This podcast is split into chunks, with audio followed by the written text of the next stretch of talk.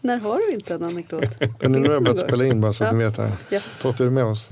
Vadå? Hörlurarna på. Hörlurarna på? N- Bandet rullar.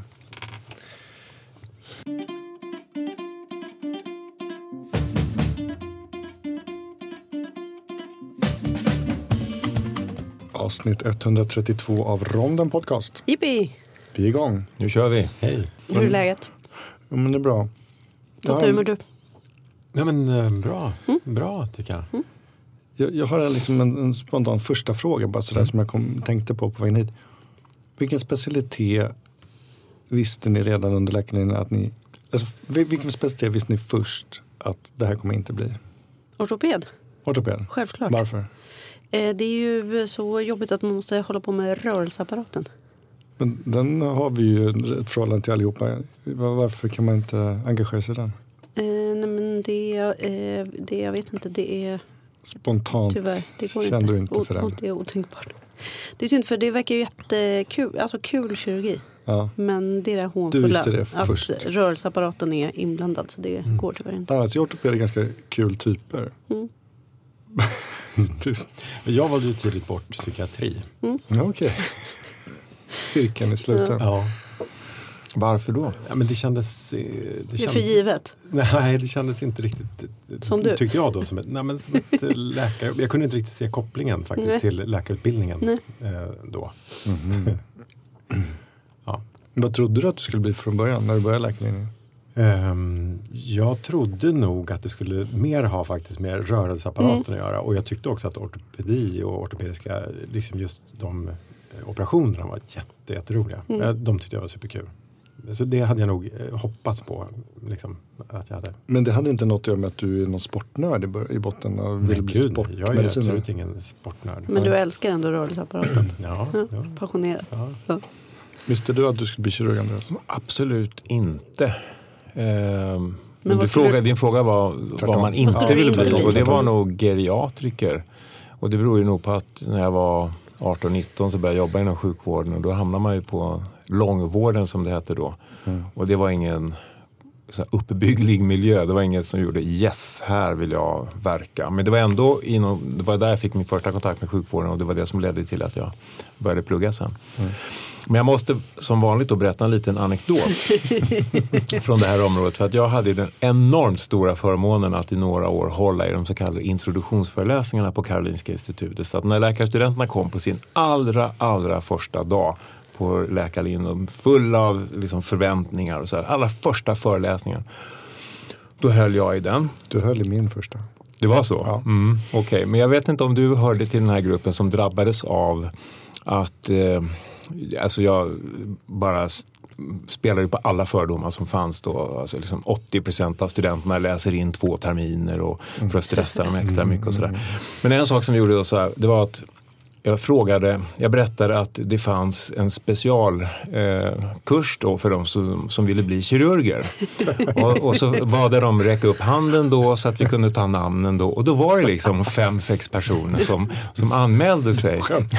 Åh gud vad jobbigt. Men det är helt sjukt Andreas, när du börjar berätta. Vi har aldrig sagt det här, men jag vet att du höll i min, den här. Jag, jag har suttit på den här föreläsningen. Det är helt, men vilka var vi?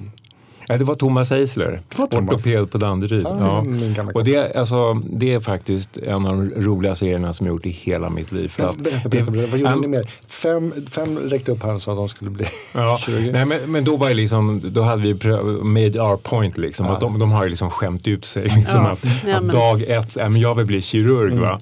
Eh, utan att veta någonting om läkarutbildningen eller någonting sånt där. Så då hade vi Så jävla taskigt. men lite roligt. Och sen så hade vi också planterat ut då studenter eh, i, mitt ibland de här nya och så sa vi, ja vi, vi har precis fått information här från antagningsnämnden att det tyvärr har blivit lite fel i intagningen.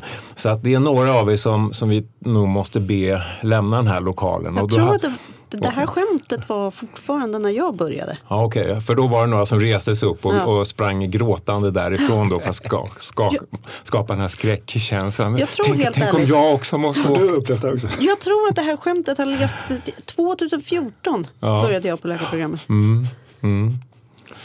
Ja, och sen hade vi ju, om du nu vill att jag ska berätta mer om det, så hade vi, så hade vi då Thomas eh, eh, numera avlidne morfar som, var, som, som vi tog dit som en så att säga, patient.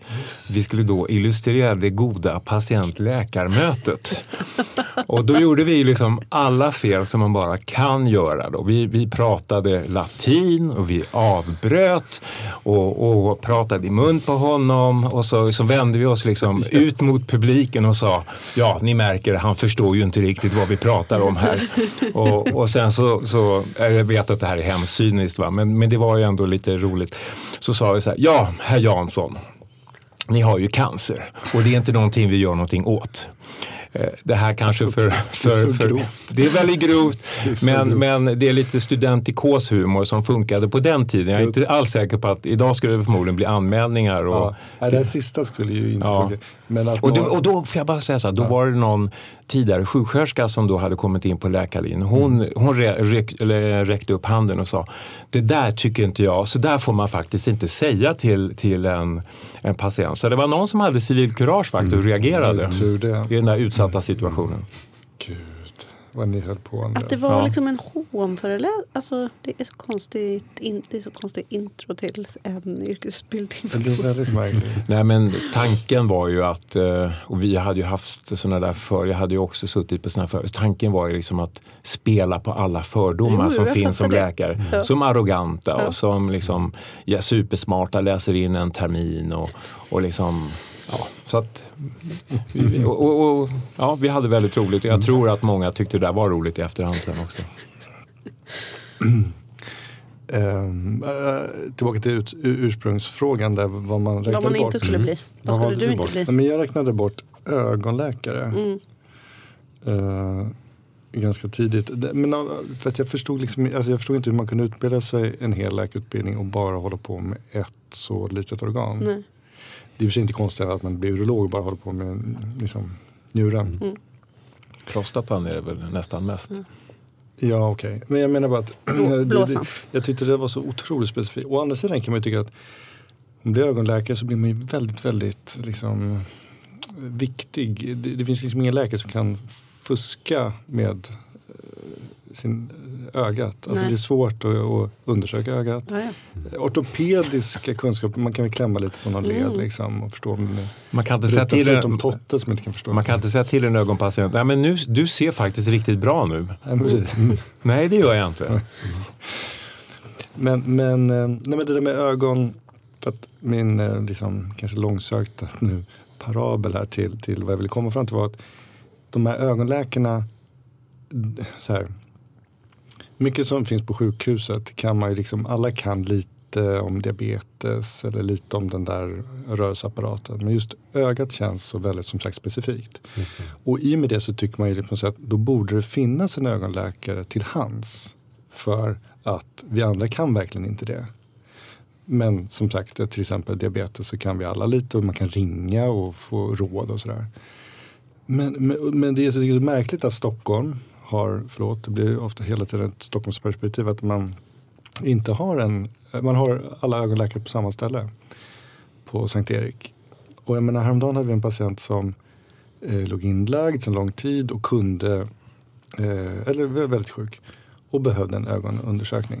Då fick den alltså patienten de, ja, köras till ögonsjukhuset Eriks för den här undersökningen och tillbaka.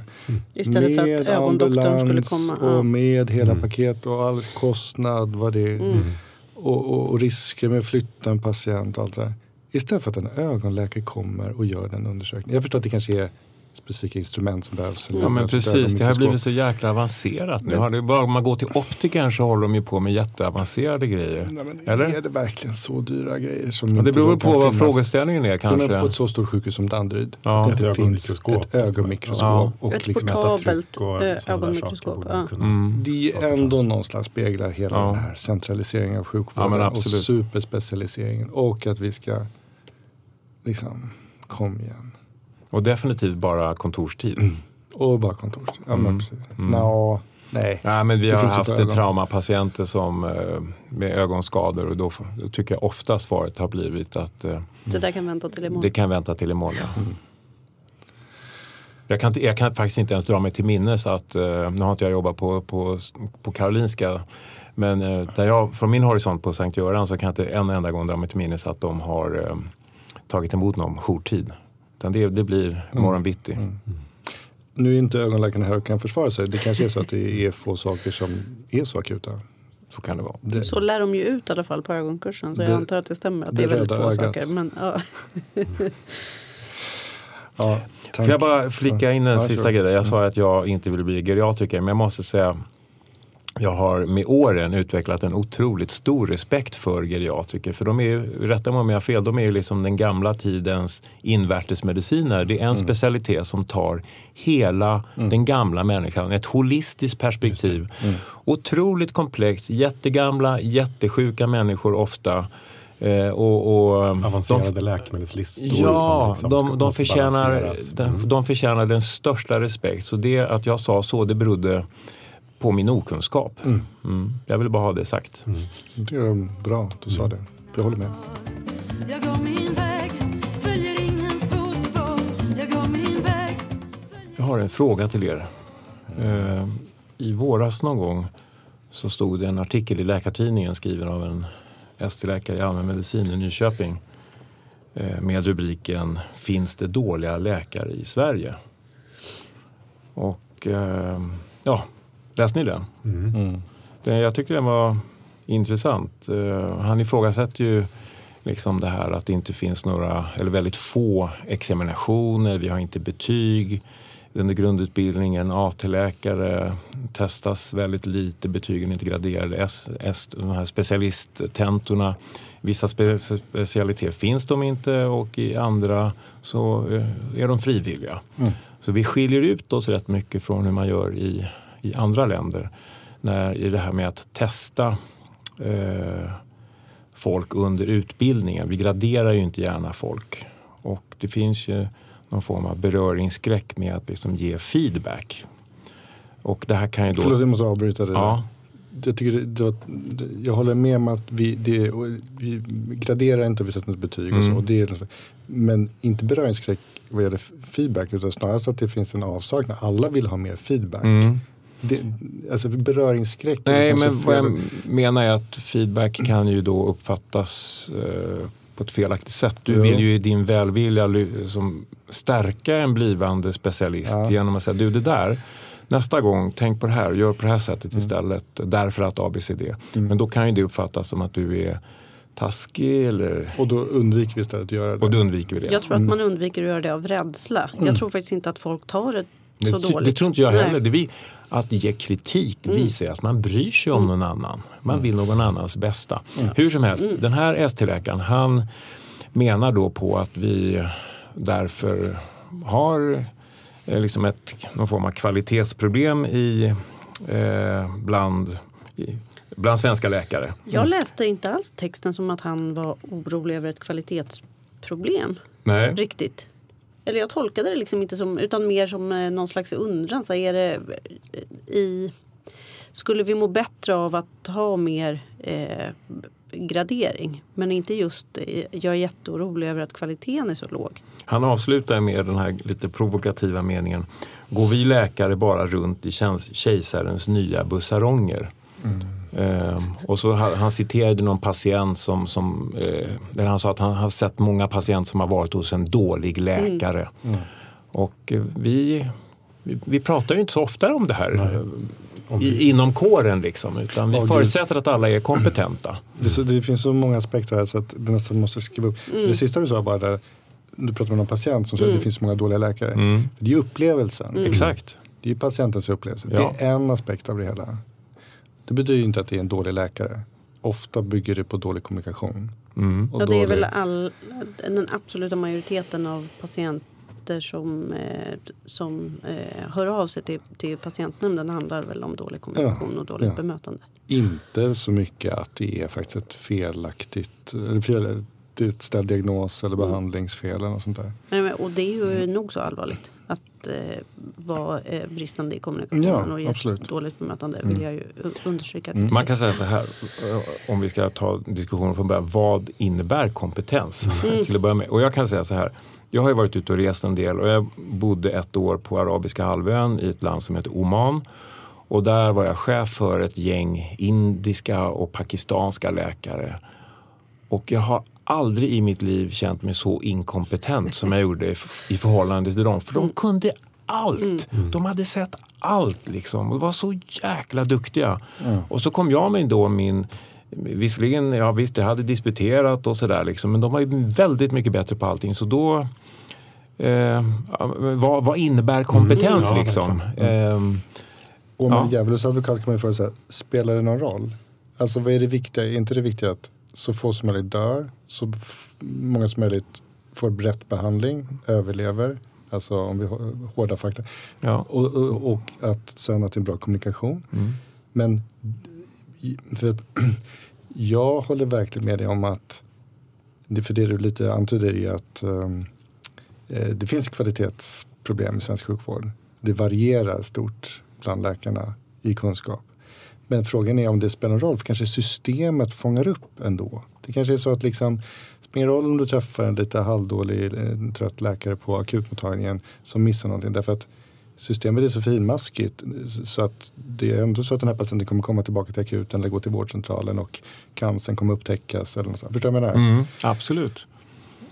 För jag är den första som håller på att kritisera och tycker så här, gud, det är för låg lägstanivå bland läkarna. Under, liksom, Mm. Yngre läkarna, det tycker jag verkligen. Men jag, jag försöker vara självkritisk och tänka så här, men det är kanske bara jag själv som blir irriterad på det. Och det kanske inte spelar någon roll om man inte kan rabbla tio orsaker Nej. till hyperkalemi. Och är det kunskapsnivån som är för låg, upplever du? Ja, verkligen. Ja, men, åh, Alltså, alltså, det är liksom baskunskaperna, det är där det brister. Ja, Ja. och just när man träffar liksom en, en narkosläkare utbildad i Tyskland. Jag pratade med en narkosläkare häromdagen, eller igår, på, på, på Danderyd. Som, och vi satt just och pratade om läkarna från Tyskland som kommer. Det kanske är ett selekterat antal läkare som kommer till Tyskland. eller Mm. Men de är Tyskland. svinduktiga. De, är så- de är så otroligt pålästa och har sett, som du säger Andreas, allt. Och de kan göra ingrepp och så. Och har antagligen jobbat fler timmar och gått fler pass. Jo, men jag tänker om jag jämför med dem, alltså mig själv med de BT-läkare som är eh, utbildade utomlands. Eh, så har ju de mycket högre kunskapsnivå skulle jag säga än vad vi har som är utbildade i Sverige. Men vi är ju mycket, mycket bättre på att jobba på sjukhus. Mm. Eh. Förklara den grejen för min morsa som fattar vad du menar. Nej, men menar du att de är bättre på att rabbla De, anatomiska... de, de är mycket grejer? bättre på att rabbla anatomiska grejer. Ja. De kan svara på jättemycket fler eh, liksom intrikata frågor om liksom, hur sjukdomar uppstår och vad är det som gör att vissa symptom ser Mm. ut på vissa sätt och att sjukdomar funkar på vissa sätt. Det är, Men- de, det är de mycket, mycket bättre på. Men jag är mycket, mycket bättre på att utföra arbetet på en vårdavdelning. Och- ja. För att jag vet hur det svenska sjukvårdssystemet fungerar. Jag Mm. vet hur arbetet går till.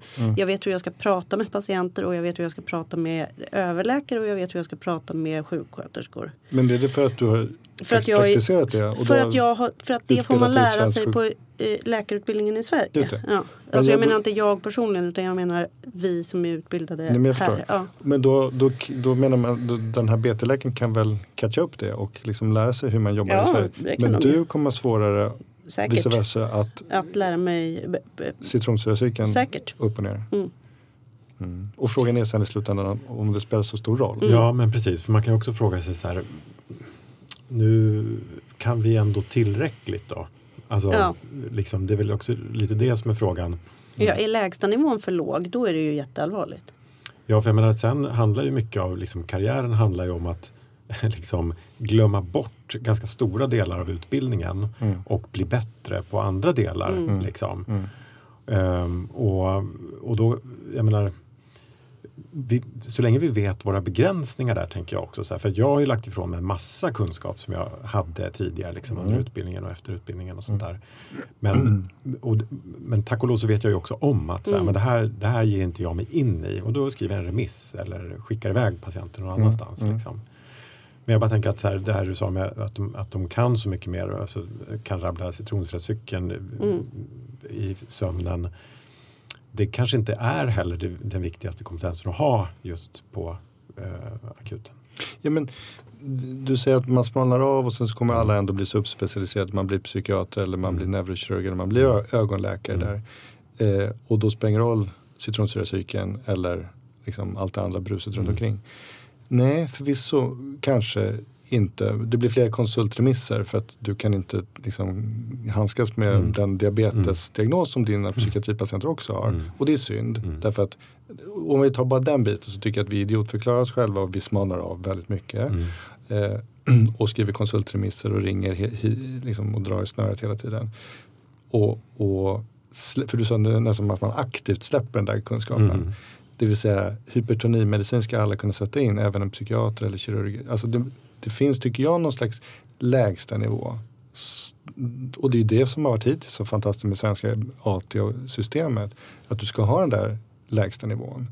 Och den ska du liksom kunna fortsätta praktisera Jo, till men en det är viss också lite del. olika roller liksom i det här systemet. Mm. Liksom, visst skulle jag kunna sätta in amlodipin på en patient som har högt blodtryck? Ja. ja, det skulle jag kunna göra. Samtidigt så patienten följs ju upp gällande sitt blodtryck på vårdcentralen Förvisso. och går dit fem gånger per år till en sjuksköterska och kollar. Ja, Och då är det bara konstigt om jag sitter på mitt håll och trixar med Nej, inte trixar. Men, men om vi håller till att du, den, patienten ligger inlagd på din psykosmottagning och du har högt Ja, blodtryck. nej, det är något annat. du borde kunna sätta Nej, in men- den där patienten. Jo, men det kan jag göra på mina öppenvårdspatienter Ja, också. ja, ja. Men samtidigt, det, det, vårt system är liksom riggat så att, Det är riggat att sub. blodtrycket sköts på vårdcentralen, inte på öppenvårdspsykiatrin. Liksom. Precis, men du nämnde akuten då. Och så som det är riggat systemet är ju då att till exempel AT-läkarna ska vara där och ta hand om din pappa och min mamma och alla som kommer in Ja, till ja, ja. akuten med hjärtinfarkt. Och där menar jag Ja. att lägsta nivån är för Mm. låg. Okej. Mm. Och att, förlåt men det är en tärning som du kastar och du möter vem som helst på akutmottagningen. Högt och lågt. Och jag menar bara att liksom, det, det där systemet är för grovmaskigt. Du har för få handledare, du, du, du, du handskas med patienter eh, du tvingas tyvärr handskas med patienter utan, i, i, utan handledning i för stor utsträckning. Mm. Vad tycker du Rebecka som har varit där nyligen? Ehm, ja. Nej, men säg, säg, härligt. Eh, nej men eh, jag vet inte vad jag ska säga. Ja, jag håller med dig. Eh, att det känns, eh, ofta känns det läskigt Mm. när man är eh, AT. Men, men, men, Och så finns det ingen som sätter stopp och som säger du eh, Christian, du, du håller inte måttet här. Nej. Du får faktiskt gå om ett år på AT. Eller under grundutbildningen. Liksom. Det man släpper igenom eh, elever, studenter heter det, som, som inte riktigt är, eh, har tillräckligt hög nivå så att säga. och då kan man tycka så här, men den här läkaren ska ändå bli, jobba inom, ja, inom psykiatri. Varför ska hon kunna hjärtinfarkt? Ja, nej, men, nej, men, och det är inte riktigt så jag menar. Men, men jag tänker en annan sak till Christian. För eh, om vi hoppar till då folk som, andra kollegor som du jobbar med och träffar Mm, på sjukhuset mm, och som mm. du konsulterar eller som konsulterar dig. Mm. Ehm, ser du även där att det, liksom, att det kan skilja mycket i kompetens mellan olika liksom, specialister? Jättestor. Och Andreas jag pratade förut att ett tema för den här podden, nu får man inte ta upp grejer som vi ska ta upp fram till Rebecka. Jag gillar inte det, nej. Ja men det är kultur. Mm. Alltså att det är sådana olika kulturer också på olika sjukhus. Eh, och säkert olika regioner eh, och kliniker. Och ja, äh, skitsamma, jag kan säga direkt. Jag kommer från Huddinge sjukhus till Dan- Danderyds sjukhus. Och jag känner av en jättestor kultur, kulturell skillnad. Och då, eh, om jag försöker vara konkret i det så är det att de läkarna som jag jobbar med på medicin och neurolog och kardiologkliniken. Jag tycker att de är, de är jätte, jätte noggranna och kompetenta. Inte då underförstått, de på Huddinge var inte det. Men det finns en extrem noggrannhet som kan övergå nästan i någon slags neurotisk eh, drag. Där man gör för mycket. Och vi pratar om choosing wisely, alltså att man ska faktiskt använda de resurser som vi har Kloka kliniska Klok. val. kloka- på klokast bästa s- möjliga sätt. Och det är ibland faktiskt att inte ta det här provet eller göra den här röntgenundersökningen. Och det blir väldigt mycket ofta eh, hängslen och livrem. Mm. För att, och då är frågan så här, för att varför? Jo för att förhoppningsvis för att inte patienten ska fara illa. Men och, ganska ofta finns det där också en tendens av att man vill inte göra bort sig, man vill inte missa något. Eh, stå med byxorna ner inför kollegor och sådär. Och då blir det att man gör liksom lite för mycket hela tiden. Men ser du skillnader mellan, i kompetens? Det här, för nu, vi Mm. pratade liksom om studenter och så. Mm. Gäller det samma även för specialister tycker ni? Att så här, på en eh, kardiologklinik så finns det ibland en kardiolog som inte håller måttet. Men svaret är ju såklart ja. Ja, det Det är ju. självklart. Och alla vet om. Ja, Det är det, okej. det, är det så här liksom att alla vet om eh, var de här kompet... Sen är det ju det att alla är, det är så klyscha, men alla är bra på lite olika saker. Så man kan få vara bra på sitt lilla område, sin lilla arytmidel. Och sen så köper alla, men det är lugnt, hen kan inte ta hand om hjärtsvikt och hjärtinfarkt. Liksom. Ehm, och det där vet ju alla och då anpassar man också frågorna. Eller hur Rebecka? Liksom, Ja, så gör man ju självklart. ja. Ja. Det lär man sig ju fort. Man lär sig Vem man ska fråga om vad. Ja. Och jag menar, visst finns det ju stolpskott. Mm. Det finns det väl överallt. Ja, det vore ju liksom en Ja. lögn att sitta och säga att det inte fanns stolpskott. Det gör det ju. Är det, för det måste ju vara olika lätt att så här, identifiera stolpskotten. Ja. För jag, jag tror ju också att det, gör, att det, att det, skil, det skiljer eh, liksom, mellan.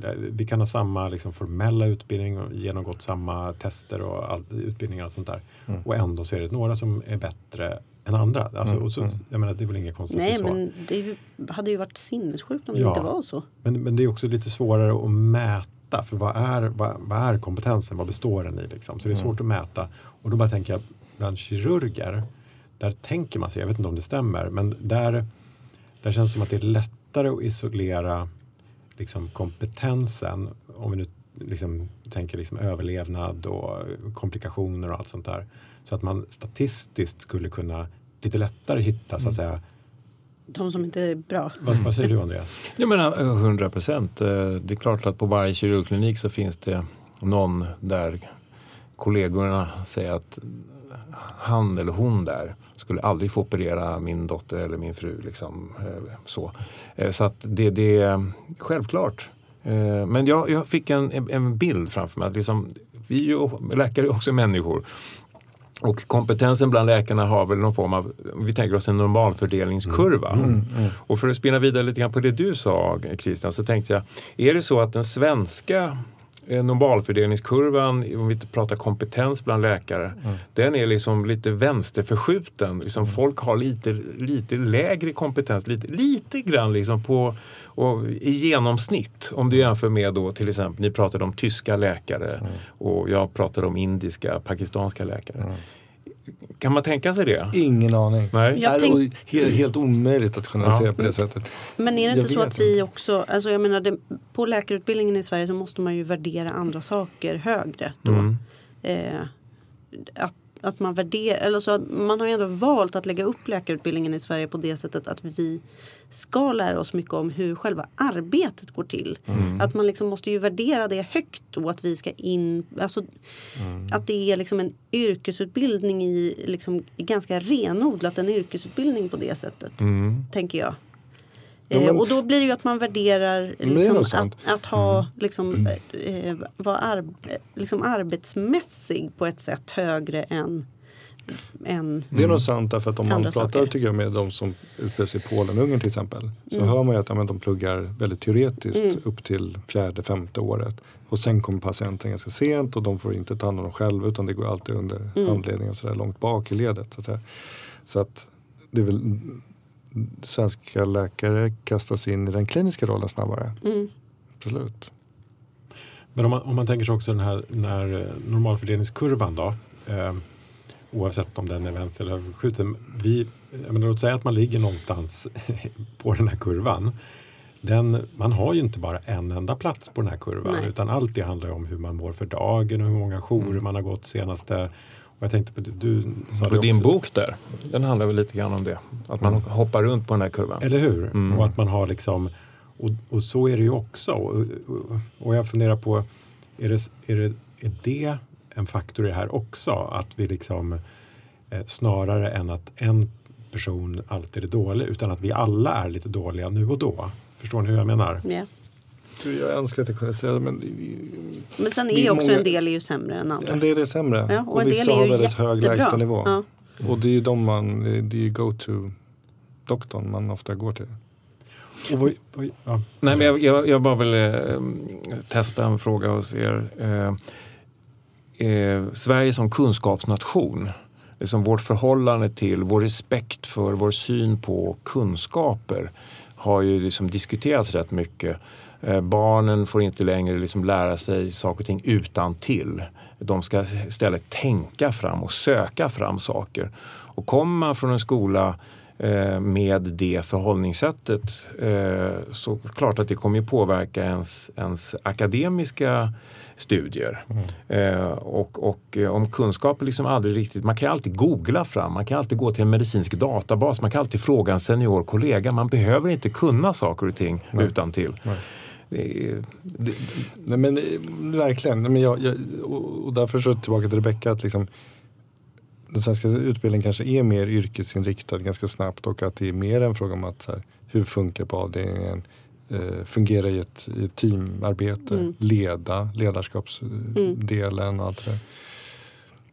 Men då blir det ju också ganska mycket upp till så här, vad är det här för person? Är det någon som är liksom noggrann, ambitiös, kommer i tid, eh, har ledaregenskaper? Vissa saker är svåra att utbilda sig till. Ja. Och det är där man också ser det som stor skillnad ju mellan läkarstudenterna, alltså tidigt, unga, Mm. eller unga är de inte alltid, men tidigt i sin utbildning. Termin 4, 5, 6. Att vissa liksom, inom, inom citationstecken bara har det, Mm. Men sen, andra inte. om, vi nu, om det nu är så låg nivå på basläkare då, i Sverige. Hur, Då, hur ska vi lösa det här? ja, nej, men jag tänker också så här, då borde vi samtidigt kanske inte vara så duktiga på att hitta och behandla cancer som vi faktiskt är. Vi kanske inte borde ha så liksom hög, alltså om man ser det på, eller på internationell nivå så har vi ändå ganska bra och effektiv och säker vård. Är det inte så? Mm. Ja, jag brukar säga att det, det är som ultimata folkhälsonyckeltalet det är ju liksom eh, förväntad livslängd. Och där ligger vi liksom topp fem eller i vart fall topp 10. Ja, ja. Eh, men det kan ju vara en effekt av Tidigare. Ja. Exakt. Ja. Så att om, vi, om det säger ju väldigt lite om hur det blir om, om 10-20 Mm, år. mm. Och vi ska ju, det finns ju ett västland där, där den förväntade livslängden har gått ner ganska mycket. Och det är USA. D- Där finns det massvis med andra aspekter, naturligtvis kulturella och, och, och liksom rasism och sånt där. Men, men det är inte så att det är givet att vi alltid kommer stanna på den här höga nivån. Nej. Om vi inte värnar vår sjukvård och, och kompetensen inom vår sjukvård. På, inte bara vad gäller läkare förstås utan minst lika mycket bland syrror. Bra, bra take tycker jag Andreas. Mm. Bra take. Men det är också intressant att det här är ju det som jag håller på och läser om nu då i- liksom i den medicinpedagogiska forskningen. Det handlar ju mycket om liksom hur ska man kunna väva ihop baskunskap med klinik. Och det har ju, det är ju typ ingen läkarutbildning som har lyckats hitta något bra sätt att göra det på. Så det är väl liksom det som, det är det man ska lära sig sen när man börjar jobba.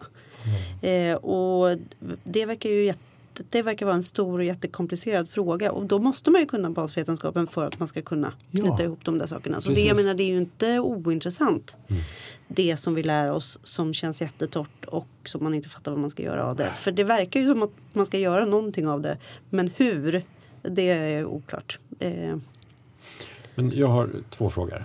Eh, om vi nu för ett ögonblick bara låtsas att vi tillhör den här gruppen Okej eller dåliga. duktiga. Nej, vi, vi låtsas att vi inte gör det. Utan Ja. vi tillhör den Habila. andra- habila Mm. eh, kliniker. Mm. Och så vet vi att det finns kollegor som inte är lika bra Mm. eh, på sjukhuset eller på mottagningar eller var man nu jobbar. Mm. Ett, vad gör vi åt den informationen när vi nu vet det och vi vet då att patienter också träffar de här sämre läkarna. Mm. Och nummer två, de som lyssnar på det här eh, och som sitter hemma, vad sjutton ska de göra av den här informationen? Hur ska de veta vilken kan de överhuvudtaget välja vilken kirurg som ska operera dem? Hur ska de ta reda på vilka som är bra och dåliga? Eller vilka, när de hamnar på en eh, kardiologavdelning ja, och så vidare. Förstår ni? Mm.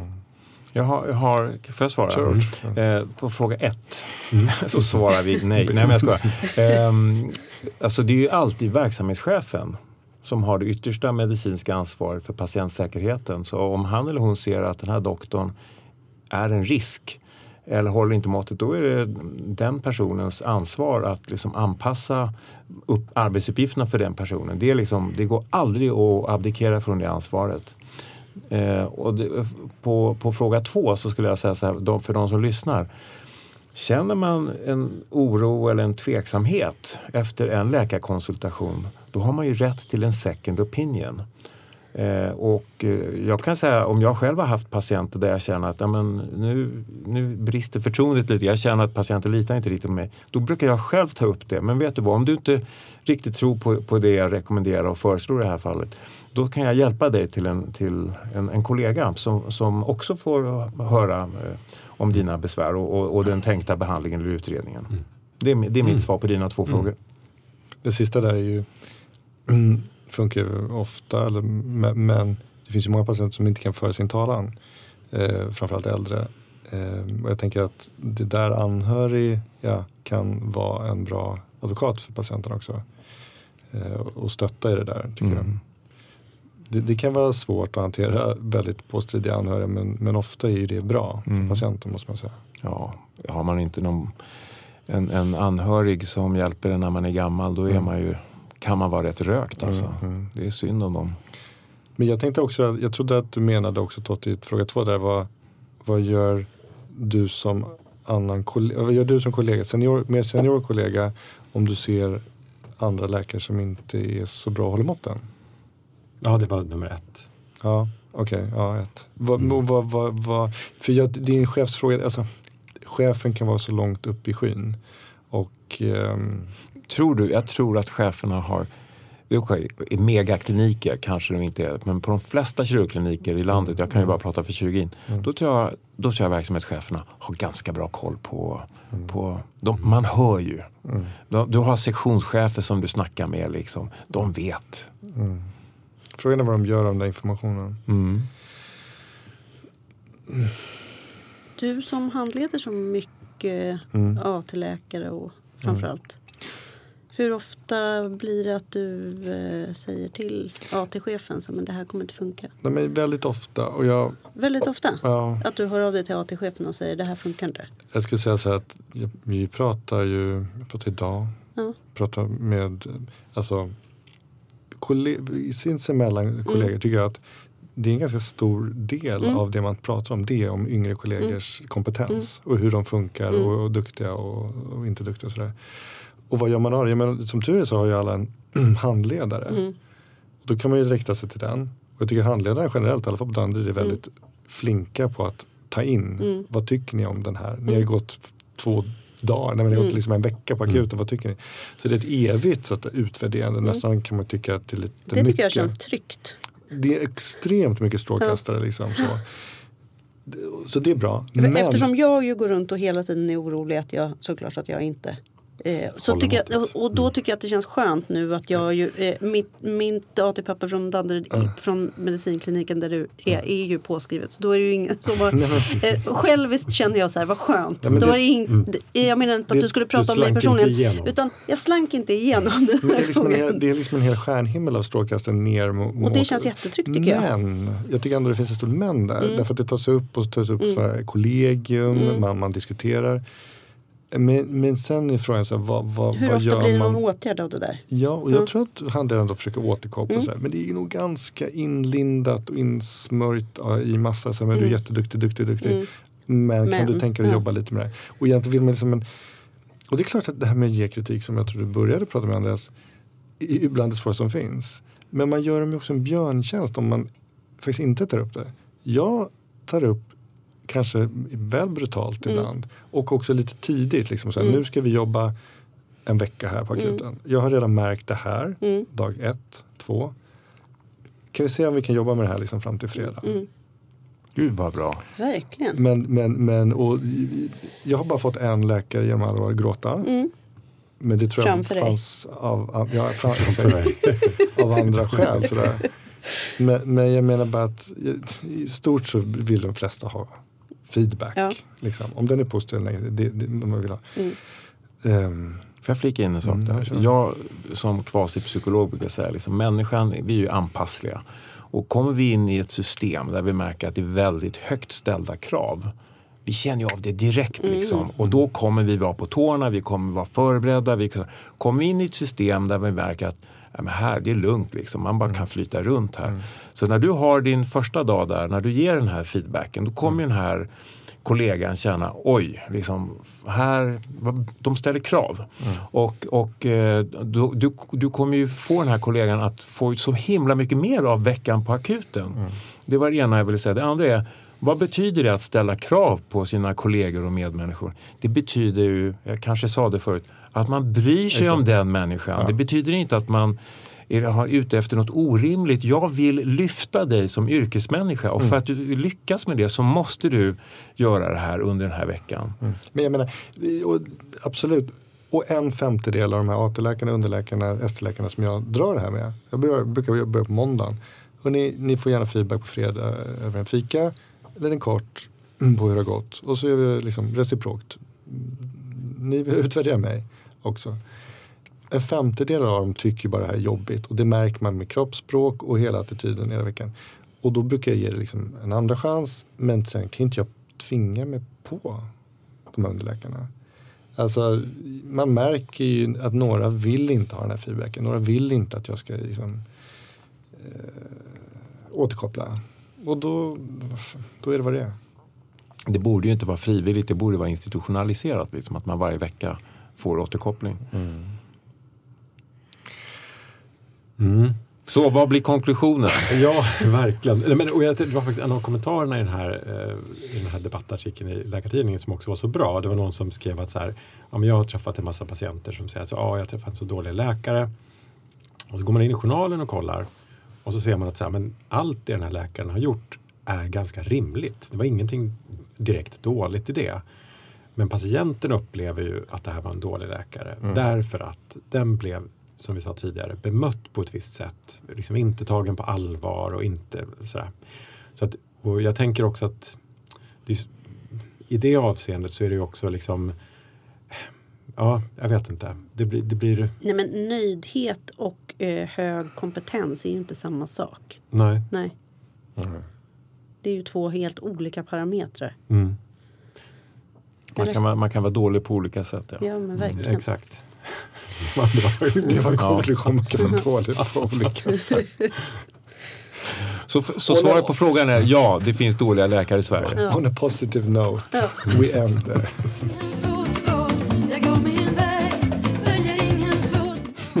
Kort och Nej koncist. men det var kul. Eh, Även jag tackar. Ja. Är det du, nu, nu du ska börja ut och flyga, Andreas? Ja, det ska jag. Vad är nästa bäring? Det blir eh, två nätter i Delhi, Indiens huvudstad. Och sen ska jag åka till ett litet land som heter Bhutan som ligger uppe i Himalaya. Och det är en dröm att åka dit. Jag har planerat den här resan länge. Men det här är inte jobbet. Nej, det är privat. Och när du kommer tillbaka så ser jag fram emot att höra om maten. Mm, mm. Kan det finnas några anekdoter möjligtvis? Det kan hända. Ska jag leta, plocka upp lite. Mm. Längtar. Mm. Kan, kan inte du också fota lite? Absolut. Skicka till oss. Mm. Så kan vi lägga upp Mm. våra små sos. Med, Mm. Gärna sånt som är med-kopplat. Ja men absolut, det ska jag göra. Ett litet löfte. Mm. Ja, men tack för idag. Bra. Tack. Alla lyssnare framför allt. Ja, tack. Ses vi om en vecka. Underbart. Tjingeling. Hej då.